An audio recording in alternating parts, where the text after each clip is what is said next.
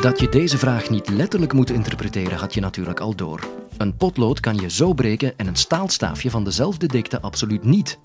En toch, je hebt niet meer dan één flinterdun laagje grafiet, het materiaal in je potlood, nodig om volmondig ja op de vraag te kunnen antwoorden. Volg je nog? Ben van Duppen van de U Antwerpen maakt alles duidelijk met een stuk plakband. Dit is de Universiteit van Vlaanderen.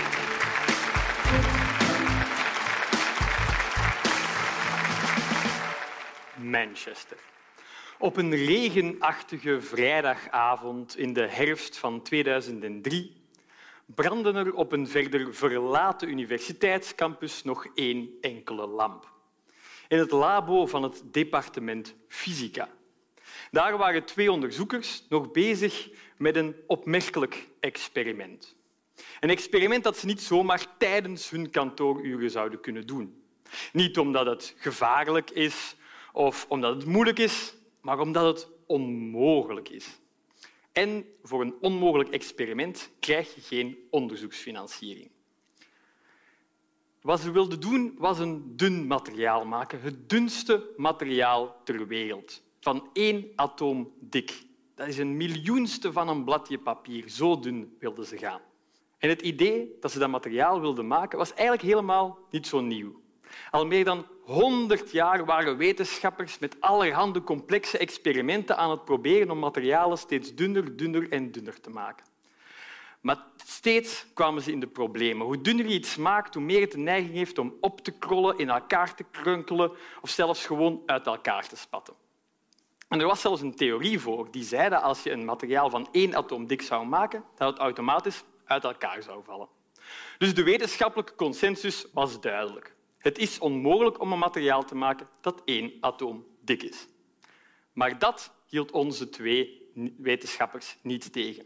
André Geim en Kostja Novoselov hadden een veel beter idee, een veel eenvoudiger idee. Ze wilden dat materiaal maken aan de hand van een potlood en plakband. Nu ja, een potlood. Ik heb het over grafiet. Grafiet dat is wat er in een potlood zit. Um, en dat ziet er bijvoorbeeld zo uit als je het uit het potlood haalt. En wat ze hadden opgemerkt is dat als je op grafiet een plakbandje plakt, op deze manier, en je trekt het los, wel, dan zit er wat grafiet achter op je plakband. Niet zo verwonderlijk, denk ik. Maar toen hadden ze een lumineus idee. Een idee dat de wereld van de fysica helemaal op zijn kop ging zetten. Een idee dat ze vandaag nog altijd gebruiken om dunne materialen te maken. Een idee waarmee ze uiteindelijk de Nobelprijs zouden winnen. En in dat idee zat het grote geheim. Het gebruik van een tweede stukje plakband. Want als je dat tweede stukje plakband op dat eerste plakt en je trekt eraan, dan zit er minder grafiet op dit tweede stukje plakband. Ik denk dat u mij allemaal daar wel in gelooft. Waar hier ongeveer laagjes van 100.000 atomen dik zitten, is het hier ongeveer 10.000 atomen dik. Dus hadden ze het idee, als ze dit proces gingen herhalen en herhalen en herhalen op die vrijdagavond, dat ze dan misschien wel tot één laagje konden komen. En zo geschiedde. Ze probeerden en dan, na een paar keer te gaan herhalen, legden ze het onder de microscoop en keken op goed geluk Oké, goed, daar een stukje van ongeveer tien lagen, zeven lagen, vijf lagen en hop, inderdaad, een vlokje van één atoom dik. Ze het onmogelijke materiaal gemaakt. En dat materiaal dat noemden ze grafeen. Nu, de wereld van de wetenschappers die waren een beetje sceptisch in het begin. Want hoe kan dat nu? In 2003, tijdperk van computers en heel complexe experimenten, dat je er nog in kan slagen om gewoon met een potlood en plakband nieuwe materialen te maken. Dat zal waarschijnlijk wel een fout zijn. Maar aan overtuigingskracht geen gebrek voor die twee. En ze slagen erin meer en meer mensen te overtuigen. En vooral meer en meer wetenschappers slagen er ook zelf in om grafeen te beginnen maken. De theoretici ondertussen die vonden waarom dat die theorie die dat zou verbieden voor dat materiaal om te bestaan toch niet helemaal opging voor grafeen. En in 2010 wonnen deze twee onderzoekers de Nobelprijs voor de fysica. Nu, daar stopt het verhaal absoluut niet. Want grafeen is niet alleen het dunste materiaal ter wereld, het is een heel uitzonderlijk materiaal. Het is bijvoorbeeld ongelooflijk sterk. Het is 200 keer sterker dan staal. Maar het is ook heel flexibel en heel licht tegelijkertijd. En als je er elektriciteit door laat vloeien, dan is het blijkbaar zeer goed in het geleiden van elektriciteit en ook heel goed in het geleiden van warmte. En als je het tegen het licht houdt, dan is het bijna volledig transparant.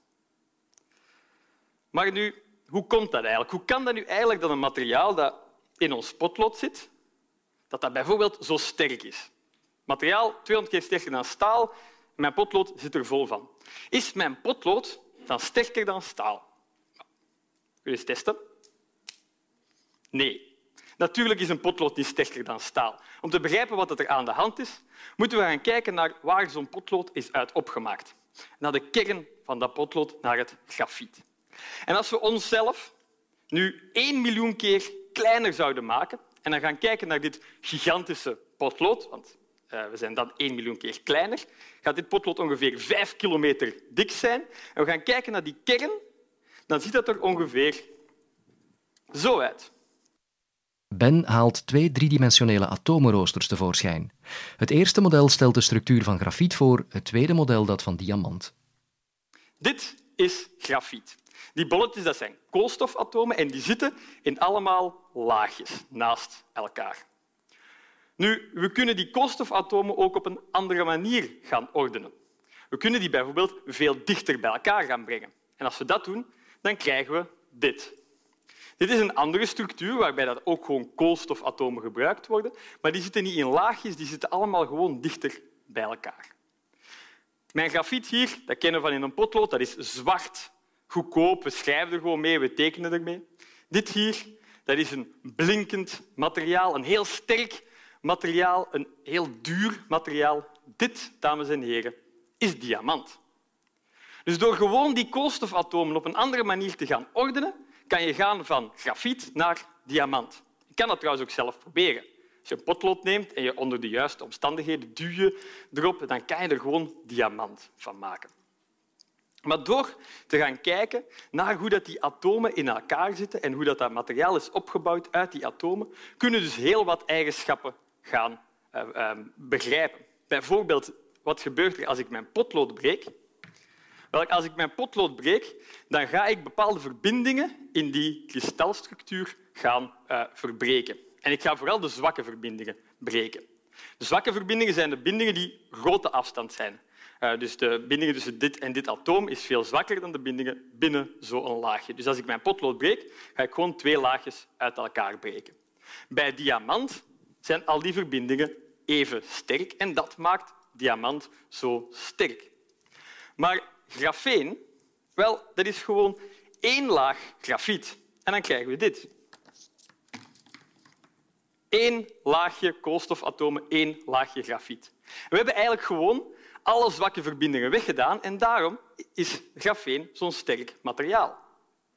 En we kunnen ook begrijpen waarom het zo flexibel is. Je kan het gewoon oprollen en omdat die sterke verbindingen uh, niet gaan breken, kan je er makkelijk mee gaan spelen. En dan kan je ook begrijpen waarom dat grafeen zo licht is. Want uh, herinner u, grafeen zit in een potlood.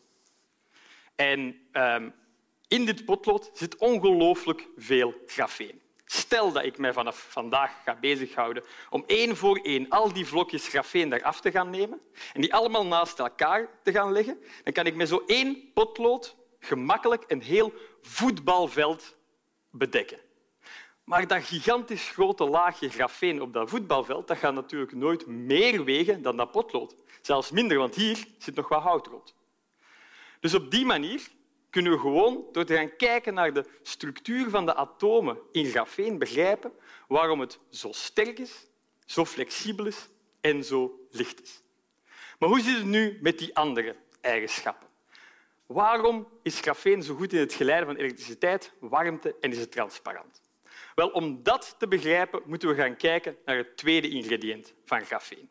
Het eerste dat zijn de koolstofatomen, die hier in een soort van honingraadraooster allemaal zes hoekjes naast elkaar zitten. Het tweede dat zijn heel kleine geladen deeltjes die rondbewegen over mijn grafeen, de elektronen. En elektronen zijn altijd en overal verantwoordelijk voor de geleiding van elektrische stroom. Of het nu gaat over elektrische stroom uit je stopcontact of elektrische circuitjes in je smartphone. Het zijn altijd elektronen die rondbewegen. Maar die elektronen die gaan zich anders gedragen naar gelang het materiaal waarin dat ze bewegen. En bij grafeen gedragen ze zich heel vreemd. Omdat grafeen zo'n klein materiaal is, volgen die elektronen niet de wetten van de gewone fysica die wij gewend zijn, maar die volgen de wetten van de theorie van het allerkleinste. De wetten van de kwantummechanica. En dat klinkt allemaal misschien vrij moeilijk, maar eigenlijk is het niet. Je kan het je inbeelden alsof dat die elektronen, als die aan het rondbewegen zijn over dat grafeen, alsof die aan het dansen zijn van atoom naar atoom naar atoom naar atoom. En de choreografie die die daarvoor volgen, dat is de kwantumchoreografie ingegeven door de kwantummechanica. En omdat die zo aan het dansen zijn, gaan die zich heel vreemd gedragen. Je kan dat misschien een beetje vergelijken als je naar iemand kijkt die een koptelefoon op heeft en aan het dansen is. Die gedraagt zich ook vreemd als je niet doorhebt dat hij naar muziek is aan het luisteren. Voor die elektronen exact hetzelfde. Maar wat is daar nu het gevolg van? Wel, bijvoorbeeld die elektronen, als die aan het ronddansen zijn, die dansen altijd op exact dezelfde snelheid. Dus als ik een shot zou geven tegen een van die elektronen, wel, die trekt zich er niet zo heel veel van aan. Die gaan misschien van richting veranderen, maar die gaan niet sneller gaan of ook niet trager gaan. Maar door die dans hebben die elektronen nog een andere speciale eigenschap ontwikkeld. Een die we niet zien bij één of ander materiaal. Die kunnen door muren vliegen. Die hebben geleerd om door muren te vliegen.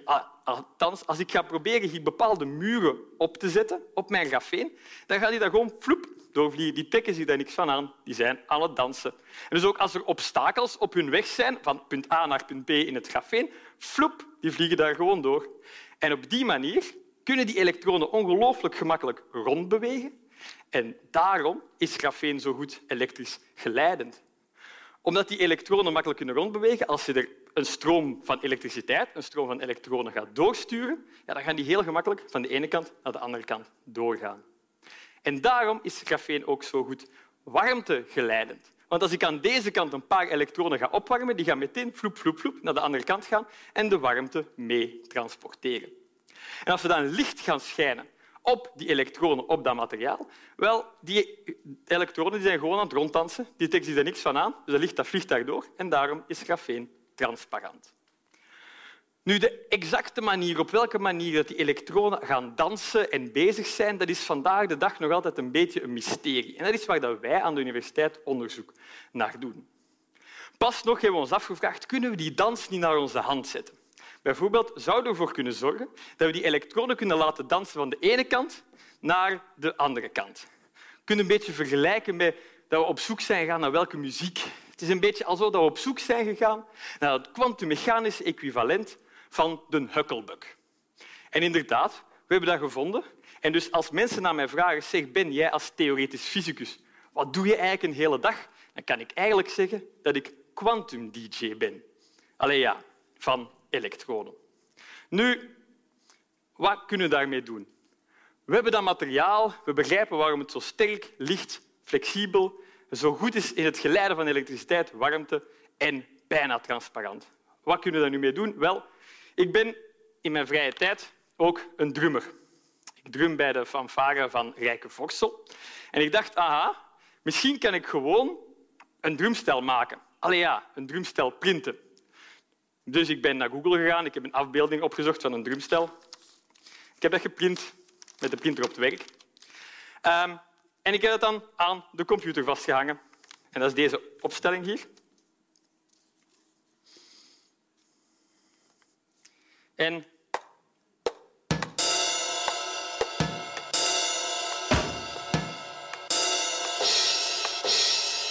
Oké, het kan misschien nog een beetje beter, een beetje specialer, een beetje uitdagender, maar goed, ik ben een theoretisch fysicus. Maar het werkt. Waarom werkt het? Wel, dat is omdat ik een inkt heb gebruikt waarin, waarin ik grafeen en grafiet heb gestoken, zodanig dat de computer via elektrische signaaltjes kan volgen waar en op welk moment ik een trommel of een cymbaal raak.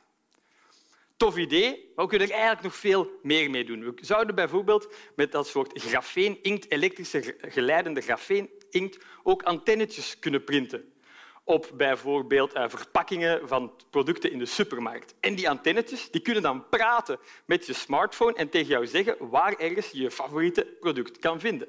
En thuis kan dat product via dat antennetje dan praten met je ijskast en kan je ijskast je eraan herinneren van opgepast, je yoghurtje gaat bijna vervallen.